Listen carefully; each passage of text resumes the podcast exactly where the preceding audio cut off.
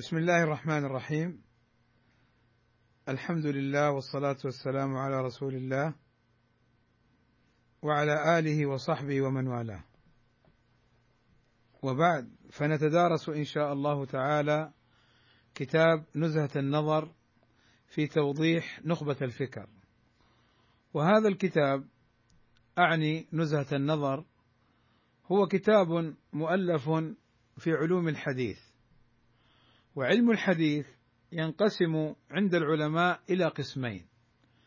علم الحديث رواية وعلم الحديث دراية. علم الحديث رواية أي علم نقله وكتابته وتدوينه وقراءته على الشيوخ وما يتعلق بذلك مثل قراءة صحيح البخاري أو صحيح مسلم وهكذا. وأما علم الحديث دراية أي القواعد دراية بمعنى القواعد أي قواعد تتعلق بصحة الحديث أو ضعفه. وكتاب نزهة النظر هو داخل في علم الحديث دراية أي كتاب قواعد في مصطلح الحديث أو في علم الحديث. وعلم الحديث دراية وقد سبق معنا في البيقونية شيء مما يتعلق بذلك.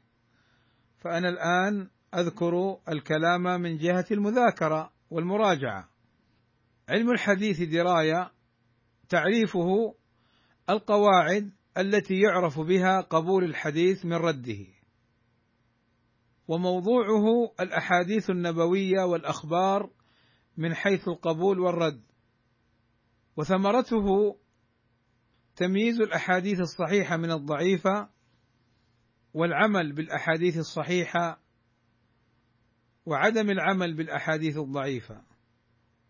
وفضله فضله من فضل الحديث النبوي لأن شرف العلم بشرف المعلوم كما سبق معنا. فما يقال في الحديث يقال في علوم الحديث لأنه علم يتعلق به.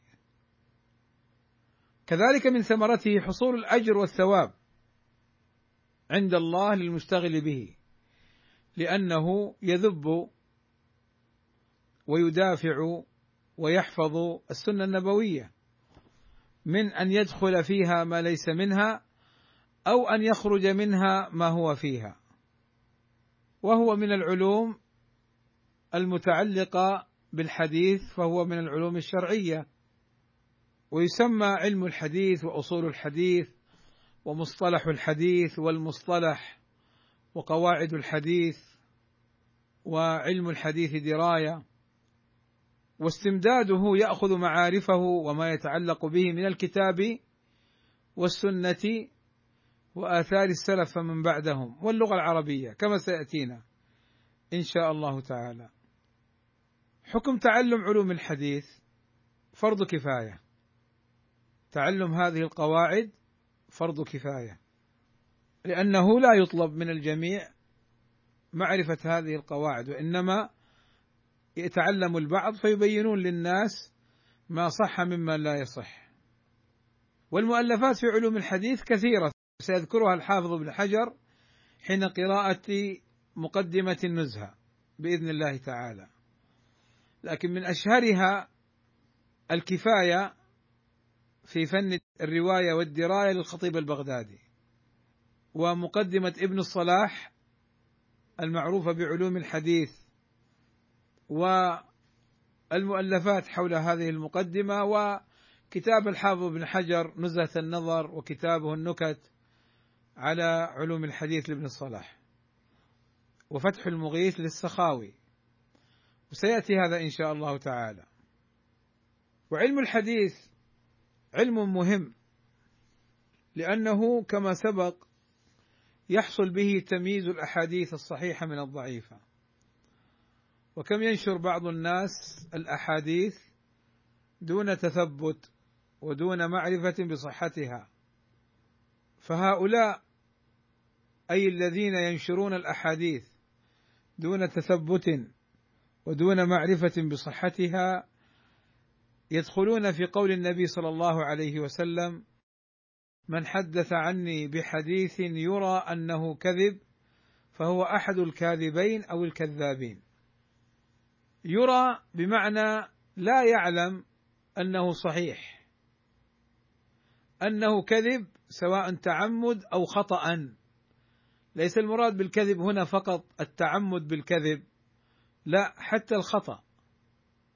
فالإنسان الذي ينقل في التويتر أو في الواتساب أو غيرها من مواقع التواصل الأحاديث دون أن يعلم هل هو حديث صحيح أو غير صحيح فإنه إن نقل الأحاديث الضعيفة يأثم وإن كان لا يعلم. لأنه وإن قلنا بأن علوم الحديث فرض كفاية إلا أنه يجب على كل مسلم ومسلمة أن يحذروا من أن ينسبوا شيئا للنبي صلى الله عليه وسلم دون تثبت. والمسألة عظيمة. عبد الله بن الزبير كما في البخاري يقول لأبيه الزبير يا أبتاه ما لي لا أراك تحدث عن النبي صلى الله عليه وسلم مثل ما يحدث فلان وفلان. فقال يا بني أما إني لم أفارقه؟ أو أني لازمته. ولكني سمعته يقول من كذب علي أو من قال علي ما لم أقل فليتبوأ مقعده من النار. فهنا الزبير رضي الله عنه جزما جزما وواضح وضوحا جليا لا يريد أنه يخاف أن يكذب على الرسول متعمدا وإنما أراد أن يقول أخشى أن أحدث عن النبي صلى الله عليه وسلم فأخطئ في الحديث دون تعمد. فتأملوا كيف أن الصحابي رضي الله عنه فهم من الحديث العموم يعني خطورة النقل عن النبي صلى الله عليه وسلم دون تثبت ودون علم. والحقيقة أن علم مصطلح الحديث مهم جدا لطالب العلم إذا أراد أن يتعلم ما يتعلق بالتخريج ودراسة الأسانيد. لأنه سيأتينا إن شاء الله حين نتدارس التخريج ودراسة الأسانيد. أن علم التخريج يحتاج إلى ثلاثة علوم ضرورية مصطلح الحديث وعلم الجرح والتعديل وما يتعلق بكتب الرجال وما يتعلق بكتب السنة وتدوينها.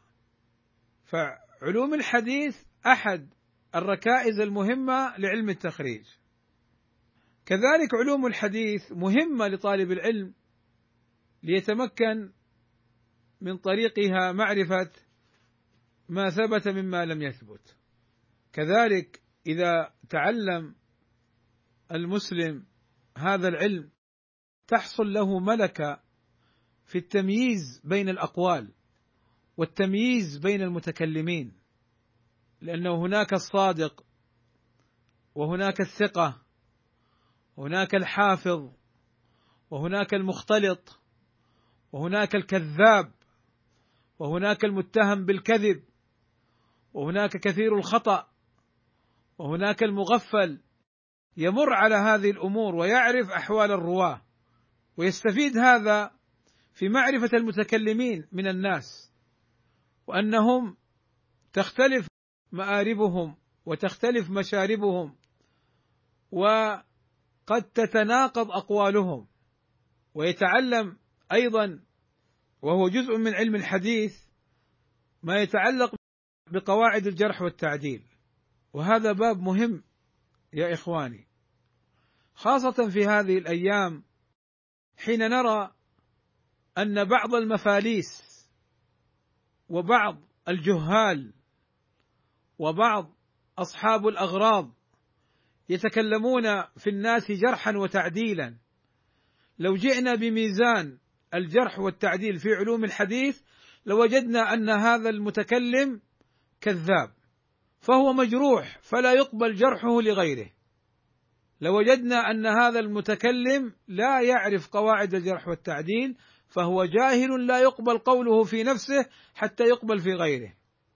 ولذلك الحافظ ابن حجر جاء لبعض المتكلمين في الرجال ممن طعن في بعض الحفاظ. فقال أنت مجروح غير مقبول القول فلا يقبل جرحك لغيرك. وكم في زماننا هذا من مجروحين متصدرين للجرح والتعديل وللأسف تجد بعض المغرضين وأصحاب الهوى والجهال يوجهون لهم الأسئلة. في فلان وفلان. حتى رأينا من يتكلم في السلفيين بكل وقاحة وبكل جهل. ولو كان المسلم أو المسلمة تعلموا علم الحديث وما يتعلق بالجرح والتعديل لفهموا أن هؤلاء لا يقبل قولهم. وكما قال بعضهم لو سكت الجاهل لقل الخلاف. علوم الحديث حقيقة مهمة في تمييز الأقوال مهمة في معرفة من يقبل قوله ممن لا يقبل قوله في معرفة حتى ما يتعلق في الأحداث المتعلقة بالدعوة لأن هناك قواعد لابد أن يكون المتكلم في الجرح والتعديل بصيرا بهذا العلم متيقظا فطنا غير مدخول عليه غير ملبس عليه. وإذا تكلم يتكلم بحجة. ولذلك كما قال الشيخ ربيع حين قال كما أن الجرح لا بد فيه من دليل فجرح السلف يحتاج إلى أدلة أكثر وأكثر. وكما أن الجرح لا يجوز إلا بعلم وحق كذلك لا يجوز التعديل إلا بعلم وحق. فكم رأينا جرحا للسلفيين وتعديلا للمجروحين؟ حتى كما يقال تلاعب بالساحة هؤلاء وضيعوا السلفيين بمثل هذا الكلام. فعلم الجرح والتعديل وعلم مصطلح الحديث مهم. يعني من تبصر فيه علم واستطاع أن يميز الأقوال والأخبار المنقولة إلى إلى آخره. فبارك الله فيكم. هذا العلم إن شاء الله تعالى سنتدارسه فيما بيننا ونتذاكره فيما يأتي من الأيام بإذن الله تعالى. ولذلك أنا أرجو أن يهتم طلاب وطالبات المعهد بهذا العلم ويفهموه جيدا ويطبقوا لأننا تعلمنا من المنهج السلفي أننا نتكلم بعلم وأن إذا جهلنا نسكت وأننا لا نقبل القول إلا بدليله. هذه قاعدة سلفية تضرب بأطنابها على رؤوس أهل الأهواء والجهال والمندسين وغيرهم. ولذلك لما يأتيك ويجرح شخصا قل له ما الدليل؟ والدليل بمعنى ما هو سبب الجرح؟ اذكره لنا أثبته لنا. وليس الدليل قال فلان وقال فلان. لأن قال فلان وقال فلان يحتاج إلى دليل. ولذلك هذه القاعدة أنقذ الله عز وجل بها كثيرا من السلفيين أن يتخبطوا في الفتن السابقة. وإن شاء الله كذلك في الفتن اللاحقة. لأنه معلوم أن الفتن ستكون مستمرة. لن تزال طائفة من أمتي على الحق ظاهرين. لا يضرهم من خالفهم ولا من خذلهم. فنحتاج إلى التسلح بالعلم. نحتاج إلى القواعد. نحتاج إلى الأصول العلمية. ما هي صعبة؟ انتبهوا. ما هي صعبة؟ لا يضحك عليكم. لا يقول لك يا أخي أنت ما تفهم المرجع العلماء. نعم إذا ما تعلم ما تفهم لكن إن تعلمت ستفهم. ما الفرق بينك وبين العالم؟ العالم تعلم. فإذا تعلمت أصبحت عالما بما تعلمت. فإذا تعلمت القواعد وهي سهلة. وهي سهلة ميسرة. كما قال الله عز وجل وهذه قاعدة افهموها في العلم جيدا. لأنه في باب العلم من الخطأ الذي ينتشر بين بعض الناس اعتقادهم أن العلم صعب، العلم الشرعي صعب، وإنه لا يمكن أن أفهم، وإنه يعني لابد إنه هناك عالم، يعني أنت بهيمة عالم لابد يقودك. يا أخي أنت مسلم تتعلم أمور دينك، الذي تجهل تسأل العلماء. لماذا لا تتعلم؟ كان فيما سبق التاجر عالم، الحلاق عنده من العلم، الكذا يتعلمون أمور دينهم إنما ظهر فينا الضعف وظهرت فينا الخلافات والشقاق لما جهلنا أمور ديننا. ما هي القاعدة؟ القاعدة في القرآن. ولقد يسرنا القرآن للذكر فهل من مدكر. الدين سهل. بعثت بالحنيفية السمحة السهلة. الدين سهل والعلم هو الدين. فالذي يقول إنه العلم صعب هذا ما فهم العلم وما فهم الدين. لا. نعم هناك مسائل وأمور لا تحتاج إليها أنت ولا هي ضرورية بالنسبة لك أنت. أن تتعلم الضروري من دينك وأن تتعلم المهم من دينك وأن تتعلم ما تحمي به نفسك بإذن الله تعالى. إذا تعلمت يسهل عليك والله يعينك ويسهل عليك.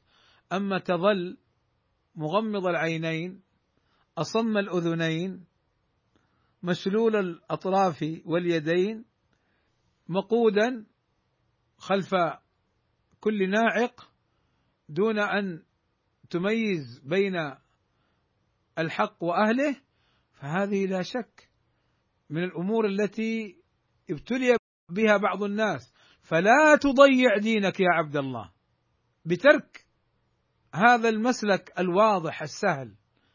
العلم سهل.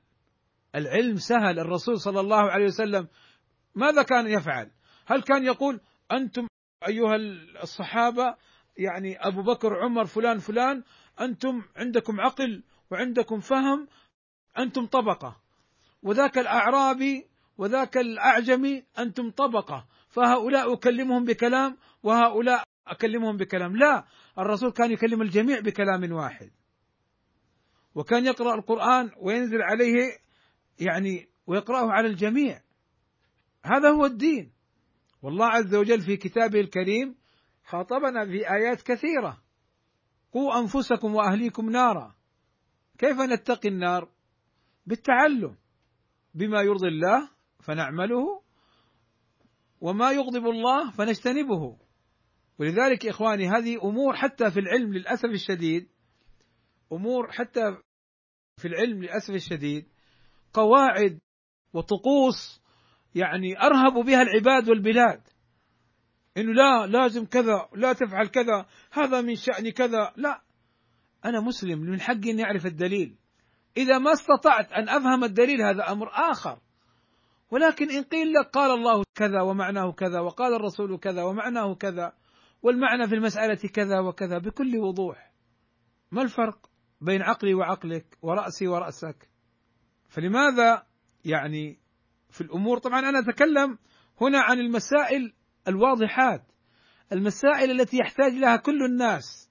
دقائق مسائل العلم هذه ما هي صعبة ولكن فضل الله يؤتيه من يشاء. وكل ما تخصص الإنسان ويعني لزم العلم والتعلم كل ما فهم أكثر. ولكن أن يظل الإنسان يعني ما يعلم من دينه إلا كلمات يسيرة والبقية يعلق الشماعة على شيء آخر. لا لا تضيع دينك بمثل هذه الأمور. تعلم وافهم وابحث عن الدليل. وسل. كان الصحابة يجلسون إلى النبي صلى الله عليه وسلم. أعرابي غير أعرابي صغير أو كبير يحضر مجالس النبي صلى الله عليه وسلم. انظروا إلى حديث ابن عباس وكان صغيرا ابن عباس. يا غلام احفظ الله يحفظك. احفظ الله تجده تجاهك. تعرف على الله في الرخاء يعرفك الحديث الطويل. يا غلام إني معلمك كلمات فاحفظهن أو كما قال عليه الصلاة والسلام. فاذا أمور الدين والتعلم سهل جدا. ولذلك بعض الناس سبحان الله كما قال بعض أهل العلم تأتيه تبين له الحجج يقول لك لا لا لا أنا ما أفهم ما أفهم أنا ما أفهم ما أفهم. روح للشيخ روح للشيخ. إن كان يفهم ويقول لا أفهم فهو آثم. وعدم قبوله للحق إلا بعد عرضه للشيخ مع وضوحه هذا ليس بعذر. ولذلك بارك الله فيكم انتبهوا لهذه الأمور. نزهة النظر للحافظ ابن حجر يعني هذا الكتاب هو شرح لكتابه المختصر نخبة الفكر. ألف الحافظ ابن حجر متنا مختصرا في صفحات يسيرة سماه نخبة الفكر والنخبة بمعنى الاختيار والانتخاب والفكر بمعنى ما توصل إليه الحافظ ابن حجر من علمه في علم الحديث من مسائل ومباحث وفهمها من كلام أهل العلم فهو انتخب من ذلك هذا المتن.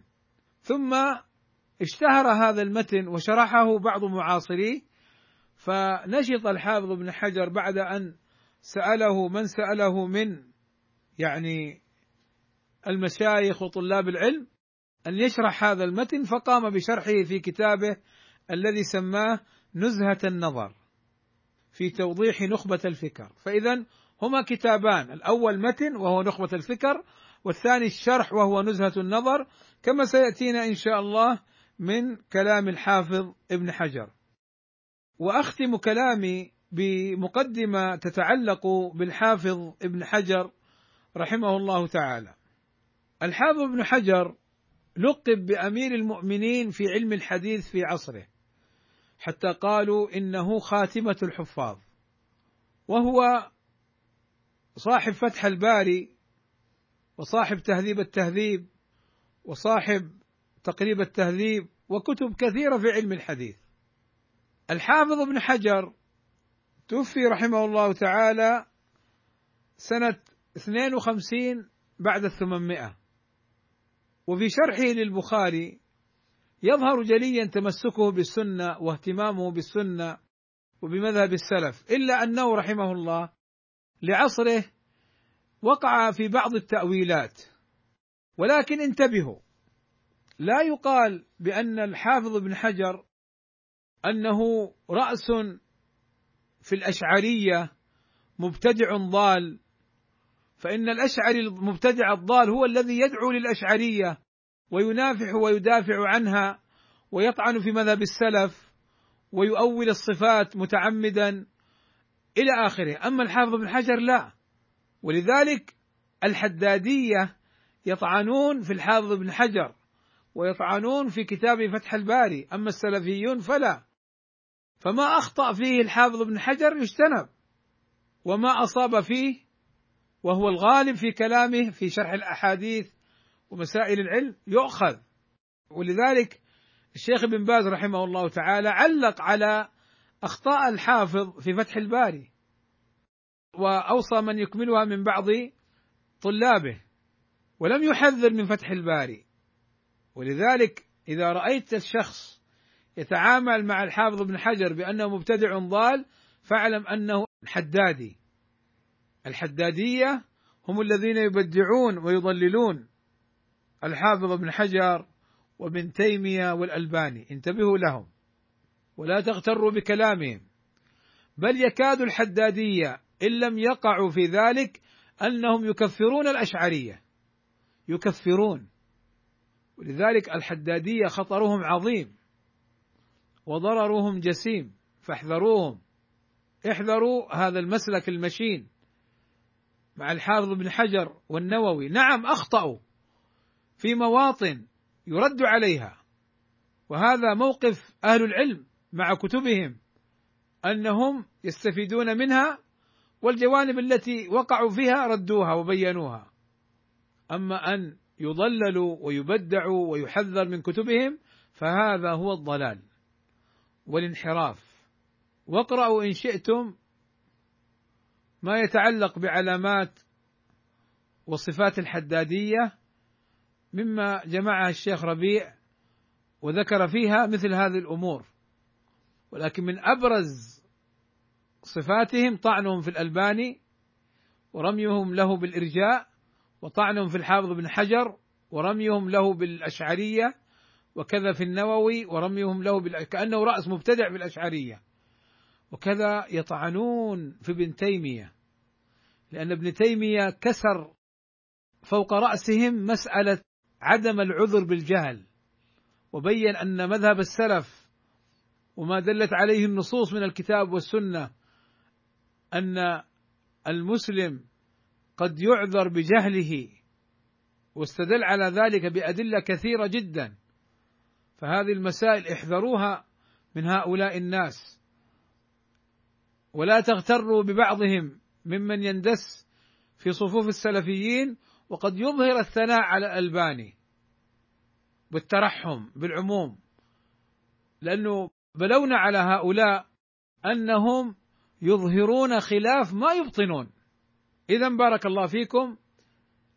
الحافظ بن حجر إمام من أئمة الحديث إمام من أئمة العلم تعامل معه العلماء على تجنب ما أخطأ فيه وهو قليل على أنه صاحب حديث وصاحب سنة ووقع في بعض الأشعرية دون أن يعني يكون ذلك عن بدعة وضلالة فيه وانحراف في مسلكه. نسأل الله عز وجل أن يغفر لنا وله ولجميع المسلمين وأكتفي بهذا القدر. صلى الله وسلم على نبينا محمد وعلى آله وصحبه أجمعين. والحمد لله رب العالمين. يعني خطر الحدادية لا زال مستمرا في نظري. وهم الذين يطعنون في أبي حنيفة. أبو حنيفة أحد الأئمة الأربعة. ما أخطأ فيه يرد ولكن أن يقال فيه ما يقال من كلمات يعني فيها تبديع وتضليل له فلا شك أن هذا خلاف الحق وخلاف ما تعامل معه أهل العلم. والعجيب أن هؤلاء يزعمون أنهم على المنهج السلفي وهم أعداء لهذا المنهج ولأهله فهم حرب عليهم. والسلام عليكم ورحمة الله وبركاته.